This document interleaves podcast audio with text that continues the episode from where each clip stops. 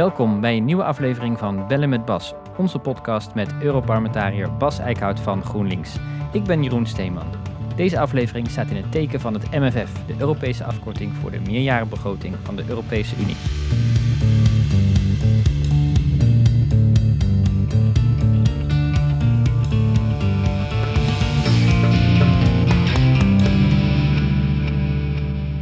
Bas, fijn dat ik je weer even in de studio kan spreken. Want uh, die meerjaarbegroting, daar moeten we echt even goed voor gaan zitten. Dat is een, uh, een flinke boterham volgens mij.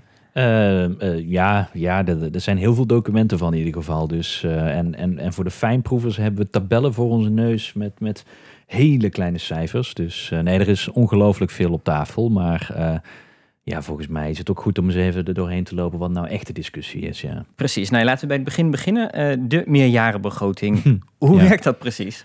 Ja, dat, ik, ik, ik zou eigenlijk oprecht niet weten wanneer dit begonnen is. Maar uh, het zal ongetwijfeld helemaal vanaf het begin zijn. Uh, is er besloten dat, dat vanuit Europa, uh, ja, je hebt natuurlijk niet, niet je, je dagelijkse uitgaven. Ja, er zijn er een paar, maar uh, het is niet als een nationale begroting. Dus het, het, idee was meer van waar Europa nuttig kan zijn, is echt in, in lange termijn investeringen. En, en eigenlijk samenwerking stimuleren tussen landen. En, en dat kun je eigenlijk dus het beste doen over een begroting die over meerdere jaren gaat. Dus, dus zo is een meerjarenbegroting uh, begonnen. En, en elke keer weer hebben we dus elke zeven jaar het moment dat er dan een, een budget voor zeven jaar wordt afgesproken. Uh, dan worden de kaders gezet en vervolgens binnen die zeven jaar wordt dat natuurlijk dan nog wat preciezer ingevuld elk jaar. Dus elk jaar wordt er ook wel weer een budget gemaakt. Maar de zeven jaar, het kader van het zeven jaar uh, wordt dan ja, elke zeven jaar vastgesteld. En, en we zitten daar nu middenin, want de huidige meerjarenbegroting stopt formeel 31 december 2020. En dan ja, 1 januari 2021 gaat een nieuwe zevenjaarlijkse cyclus beginnen. Maar dat gaat natuurlijk niet alleen over het geld. Dat gaat ook over al die programma's die dus dan zo'n cyclus van zeven jaar hebben. Dus onderzoeksprogramma's, uh, het landbouwbeleid, uh, die structuurfondsen. Dat zijn allemaal projecten voor over zeven jaar. Dus dit is wel echt uh, ja, de grote klus. En de meerjarenbegroting vormt dat kader. En daar is nu iedereen over aan het bekvechten.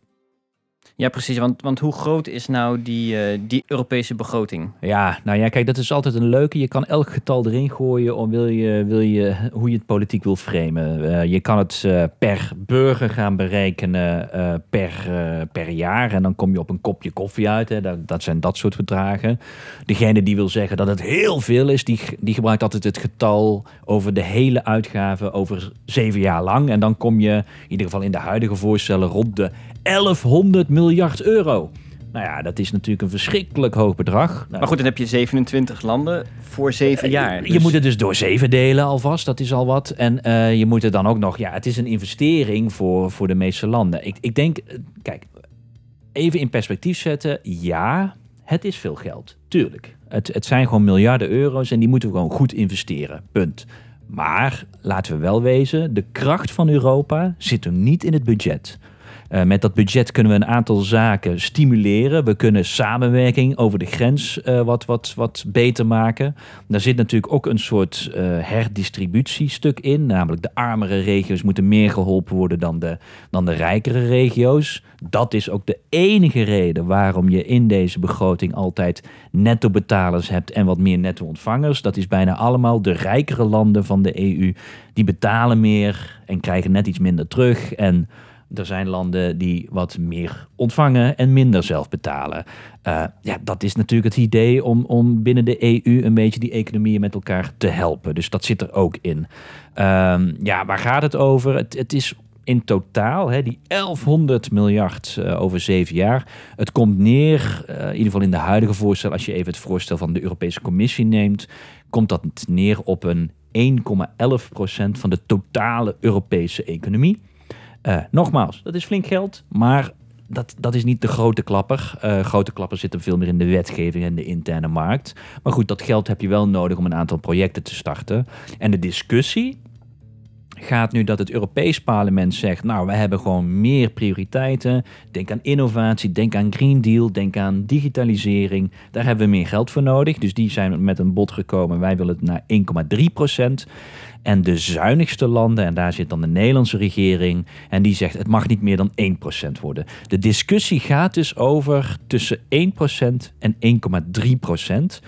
En daar wordt nu een soort, soort principieel gevecht over gevoerd, alsof dit nou echt alles gaat bepalen. Nou ja, ik, ik, ik hoop dat we een beetje ergens een, een beetje het perspectief in dit debat kunnen houden.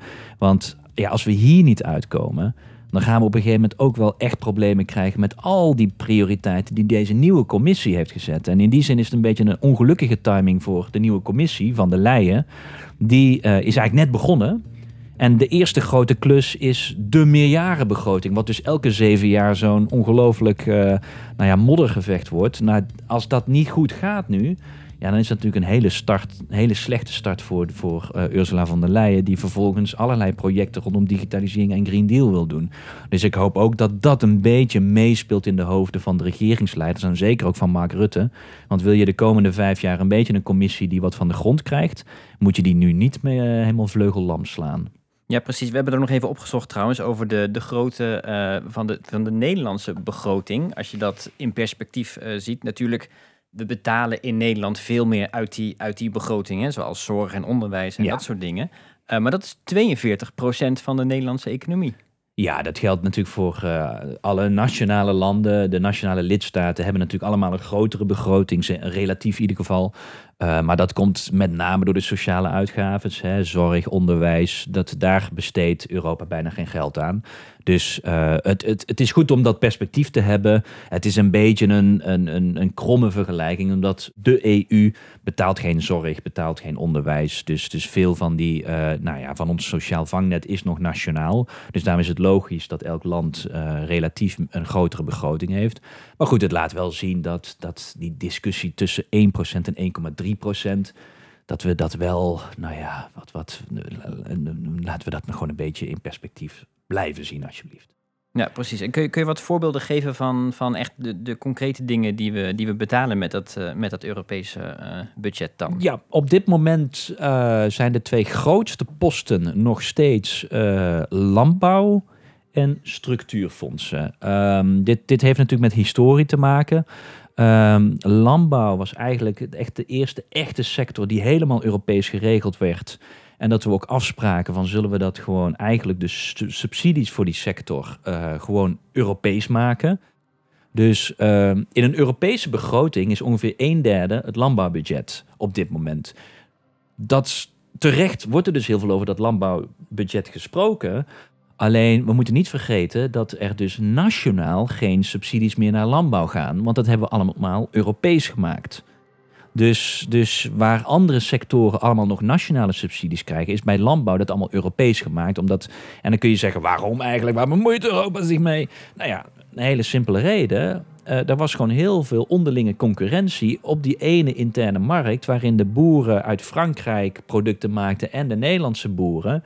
En de Franse overheid was de Franse boer flink aan het subsidiëren. Er kon daardoor goedkopere producten op de markt gooien en dat was oneerlijke concurrentie. Nou, dan kun je twee dingen doen. Je kan een soort race maken, een red race, waarbij elk land steeds meer gaat geven om maar goedkope producten te maken. Dan ben je echt veel meer geld kwijt. Misschien is het handig om dat Europees te regelen, zodat we niet meer elkaar wegconcurreren. Nou, dat is op een gegeven moment gedaan en daarom is landbouw nog steeds een grote post. Uh, zullen we het ongetwijfeld nog verder over hebben. De andere grote post is structuurfondsen. En dat is dus echt de hulp aan de armere regio's. En daarvan gaat dus het meeste geld en echt naar de Oost-Europese landen, uh, waarbij het landbouwgeld wat meer gaat naar de grotere landbouwlanden. Dus dat zit ook veel naar Zuid-Europa.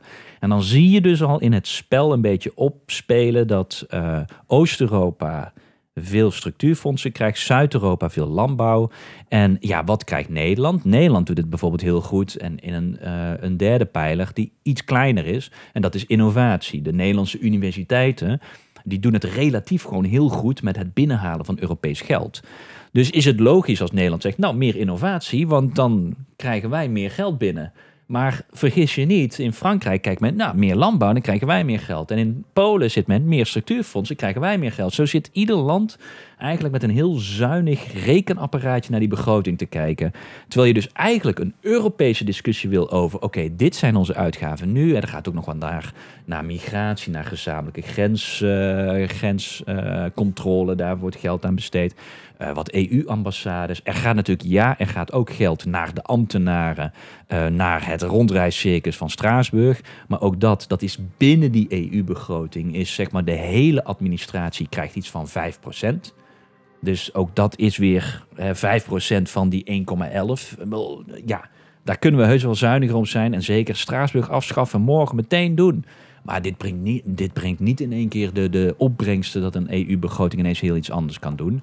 Goed, dat zijn al die discussies. Maar het frustrerende is dat we in dit debat zien dat er 27 regeringsleiders zitten met een zakjapannetje om te rekenen van als ik dat projectje nou groter maak, dan krijg ik meer geld. Zonder dat er eigenlijk één iemand van die 27 echt nadenkt, maar wat zijn nou de echte prioriteiten die Europa voorop zou moeten zetten? Ja, precies, want we hebben het nu heel snel over, over uitgaven, hè, over in de vorm van subsidies. Maar Mhm. moet je het niet eigenlijk zien in de vorm van investeringen? Want we hebben het veel te weinig over wat levert het ons nu op. Ik bedoel, puur, puur inderdaad dat, dat, dat, ehm, dat rekenmachientje Ja. eh, haal je er geld uit. Maar Nederland profiteert natuurlijk van onze interne markt.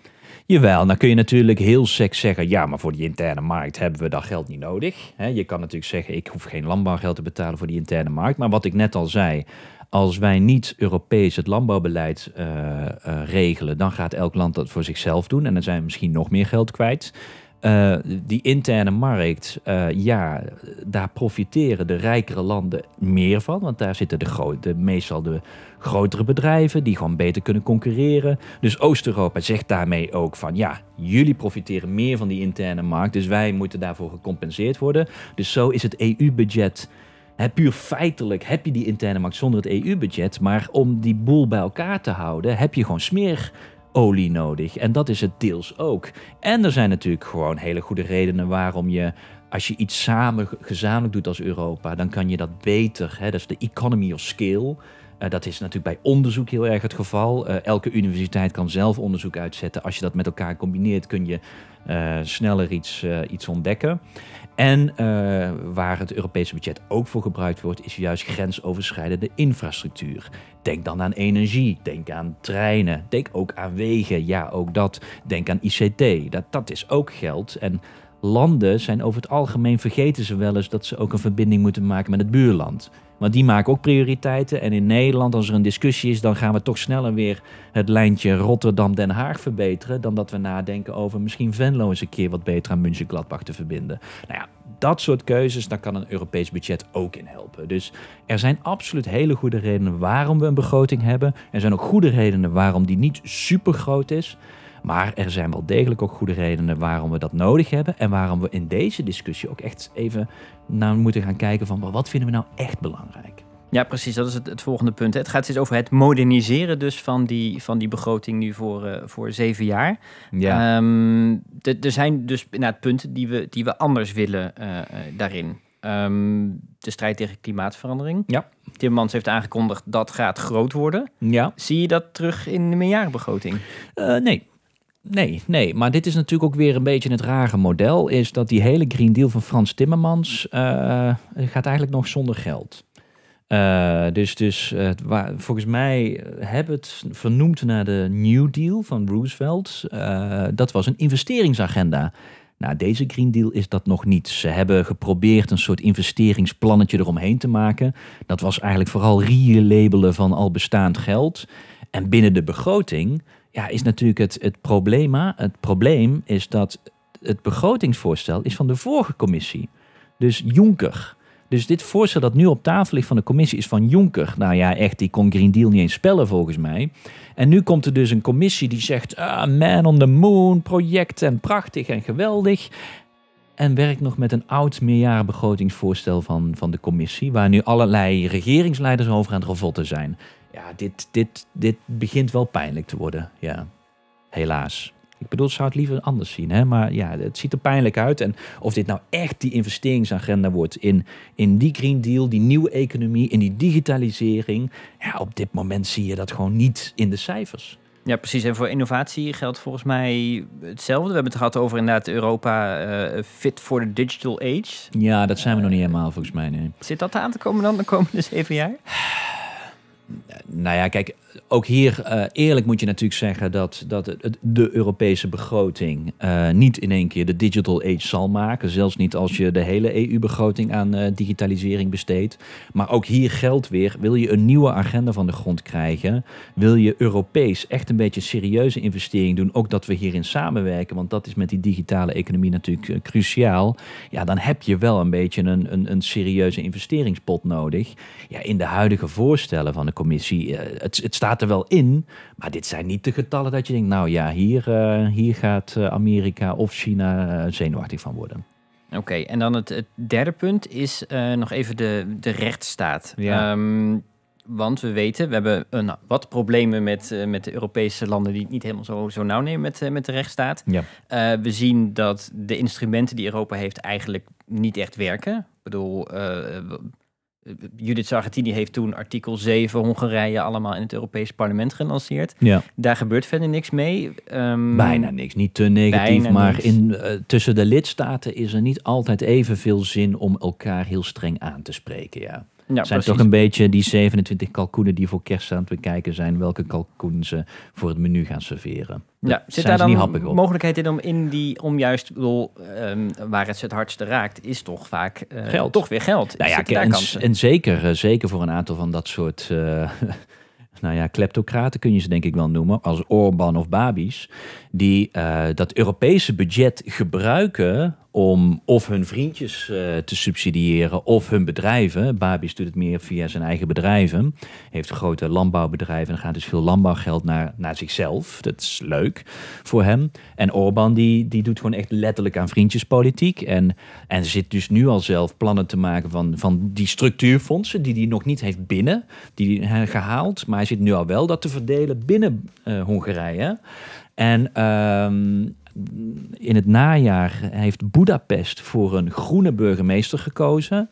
En het zal je niet verbazen, maar in de plannen van Orbán wordt Budapest overgeslagen. Terwijl dat toch qua Hongarije best een belangrijk onderdeel van de economie is. Er is best wel nog ook wel wat investering nodig. Uh, maar dat zal dus niet met Europees geld zijn als het aan Orbán ligt. Want ja, Budapest moet gestraft worden, want ze hebben niet zijn partij gekozen. Ja, dit laat gewoon zien, uh, er is echt een probleem met dit soort types. En uh, de EU moet hier gewoon veel strenger in worden. Maar dat zit ook in die, onder, in die discussie rondom de meerjarenbegroting. Dat is dus niet alleen welk geldpotje, maar ook een hele belangrijke discussie. Welke regels gaan we afspreken hoe dat geldpotje verstrekt wordt. En er zijn nu echt concrete ideeën om te zeggen van als jij dus echt een probleem hebt met de rechtsstaat, aantoonbare problemen, dan gaan we er gewoon voor zorgen dat, dat die nationale regering niet meer die subsidiepotjes kan verdelen zoals dat nu geregeld is. Uh, met name voor structuurfondsen. Dus, dus daar heb je een ongelooflijk goed, goed middel om dat soort landen te straffen. Uh, en dan vooral dus de regeringen van die landen te straffen. Uh, ja, blijft dat overeind? Dat ligt echt puur aan wat is je prioriteit. Dus, dus de ideeën zijn er, maar ga je ook dit een prioriteit maken? Of wordt je prioriteit gewoon minder geld? Ja, precies. Want laten we, even, laten we even kijken naar, naar het proces nu dus. Hè? Um, uh, de, de meerjarenbegroting moet ja. uh, goedgekeurd worden door alle Europese landen en door het Europees Parlement. Ja. Um, dat is echt een enorme puzzel om te leggen. En nu komen de regeringsleiders uh, naar Brussel om dat uh, weer te bespreken. Ja. En uh, er is geen eind vastgesteld voor die nee. top. Dus we weten, ze blijven zitten zolang het opgelost is? Ja, dat is het idee. Ik weet niet of dat gaat gebeuren, maar... Um, het klopt dus dat deze meerjarenbegroting is echt een beetje een uitzondering in het hele, in het hele Euro in de, in de Europese regels. We hebben eigenlijk altijd gezegd, als het een Europees thema is, dan uh, geldt meervoudige hè, besluitvorming. Dus lidstaten hebben geen veto meer.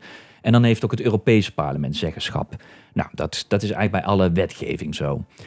Als het niet Europees is en toch wil je iets Europees doen, bijvoorbeeld belastingen, dan heb je alle landen nodig die akkoord gaan. Dus elk land heeft een veto, want dan, dan zeg je dus, nou, belasting is op dit moment volgens het verdrag niet Europese competentie. En dan moeten dus alle landen akkoord gaan dat we dat iets Europees gaan doen. En het Europees parlement heeft daar geen zeggenschap over, omdat het dus geen Europese competentie heeft. Dat zijn eigenlijk de twee modellen.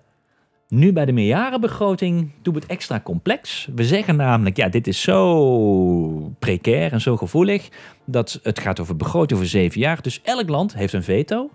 Maar het Europees parlement, want het is toch wel Europese competentie, het is namelijk Europees budget, die moet ook zeggenschap hebben. Dus we hebben nu 27 landen met een veto en een Europees parlement met een veto. Nou, dat, dat geeft dus een ongelooflijk, nou, ik zou zeggen, het slechtste komt boven van iedereen. Het gaat over geld. En het gaat met onmogelijke veto's. En iedereen zit er dus met een zakjapannetje. Nou, zet dat allemaal bij elkaar en je krijgt wat je dus eind van deze week gaat zien.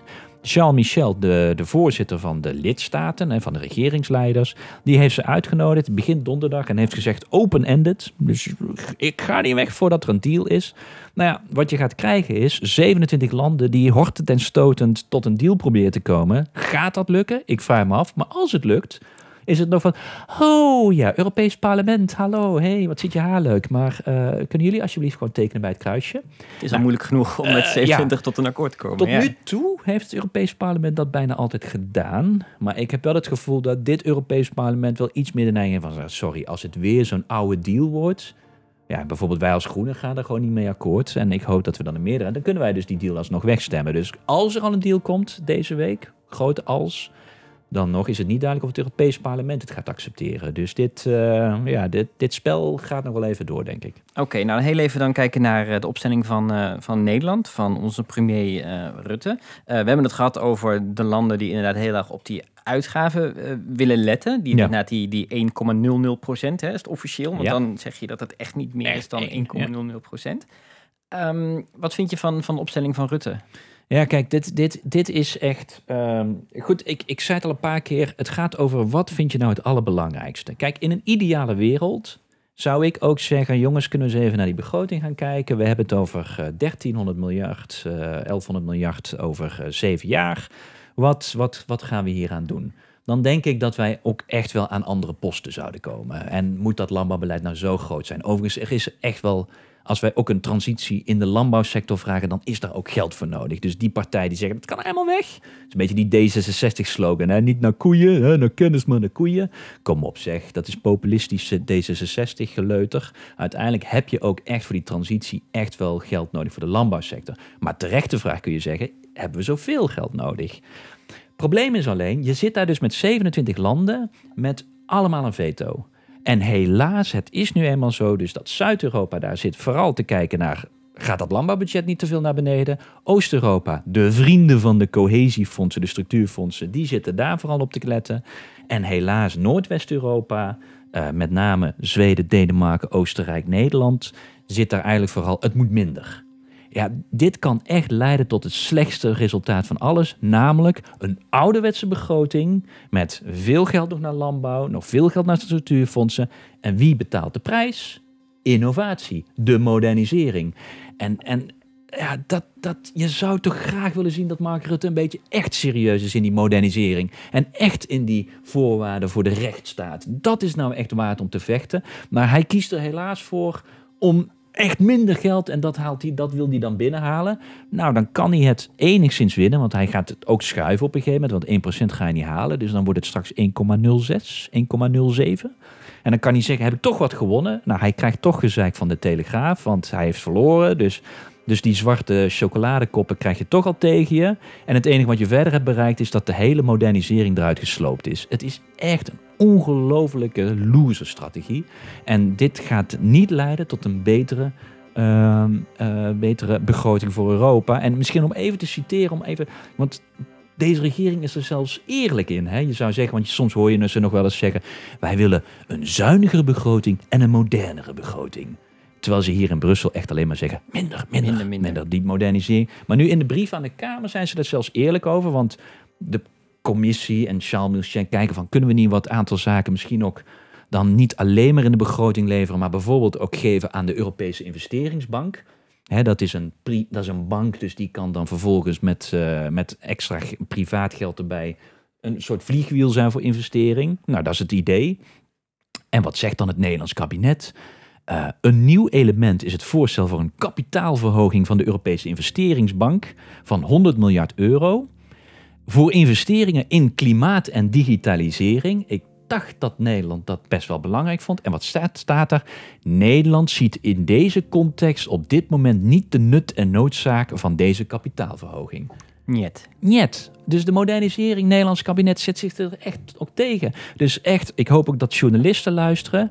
Als je weer een keer Rutte hoort praten dat hij voor zuiniger en moderner is. Onzin, hij is maar met één ding bezig, minder geld. En dit soort kamerbrieven die bewijzen dat al. Het is, het is echt een ongelooflijke trieste houding. Want het resultaat zal zijn een ouderwetse begroting die ja, niet zo groot zal zijn. Maar wat, dan gaan we dus nu alweer weten dat over een paar jaar er allerlei artikelen komen die zeggen wat een rare begroting en een ouderwets en we gaan geven aan landbouw. En de hele, nou ja, de kritiek die je nu kan voorspellen, die zie je over een paar jaar alweer uitrollen. Het, ja, het is frustrerend. Ik moet zeggen, begrotingsdebat is een van de meest frustrerende discussies, omdat door die veto-setting ja, echt, echt het, het, het meest kortzichtige van politici bovenkomt. En zeker bij Mark Rutte. Ja, oké. Nou ja, we gaan het eh, toch eh, meemaken de komende eh, tijd. Ja, en mag ik dan even erop Ehm. wijzen? Als je die cijfertjes neemt, dan zie je het dus al gebeuren. Charles Michel heeft afgelopen weekend een soort compromisvoorstel. Nou, dat was allemaal niet goed genoeg. Maar wat zie je gebeuren in dat compromisvoorstel? Dan zie je dus inderdaad dat welke fondsen gaan naar beneden. Innovatie gaat naar beneden. European Strategic Investments moet niet te groot worden. En waar zie je dat het zelfs wat naar boven gaat? Structuurfondsen. Ah. Ja, misschien moeten we dat maar eens naar boven doen. En eh, misschien moeten we ook niet te veel snijden in landbouw.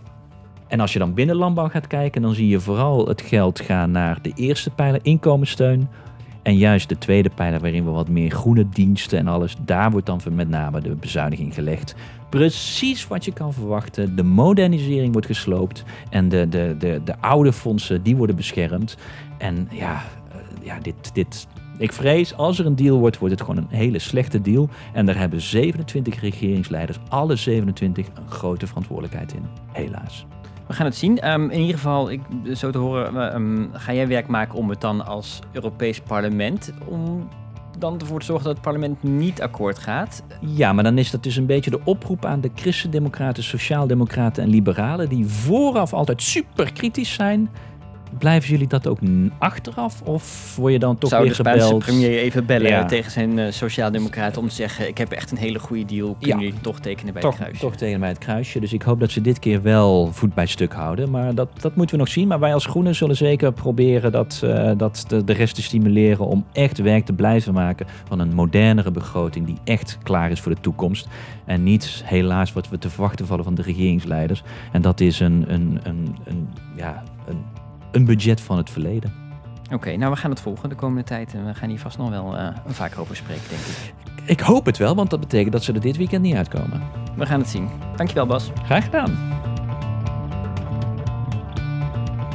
Je luisterde naar Bellen met Bas, een podcast van GroenLinks Europa en de Groenen in het Europees Parlement. Blijf op de hoogte met onze Europa-update. Aanmelden kan op europa.groenlinks.nl/update. Vormgeving en editing door Cloak.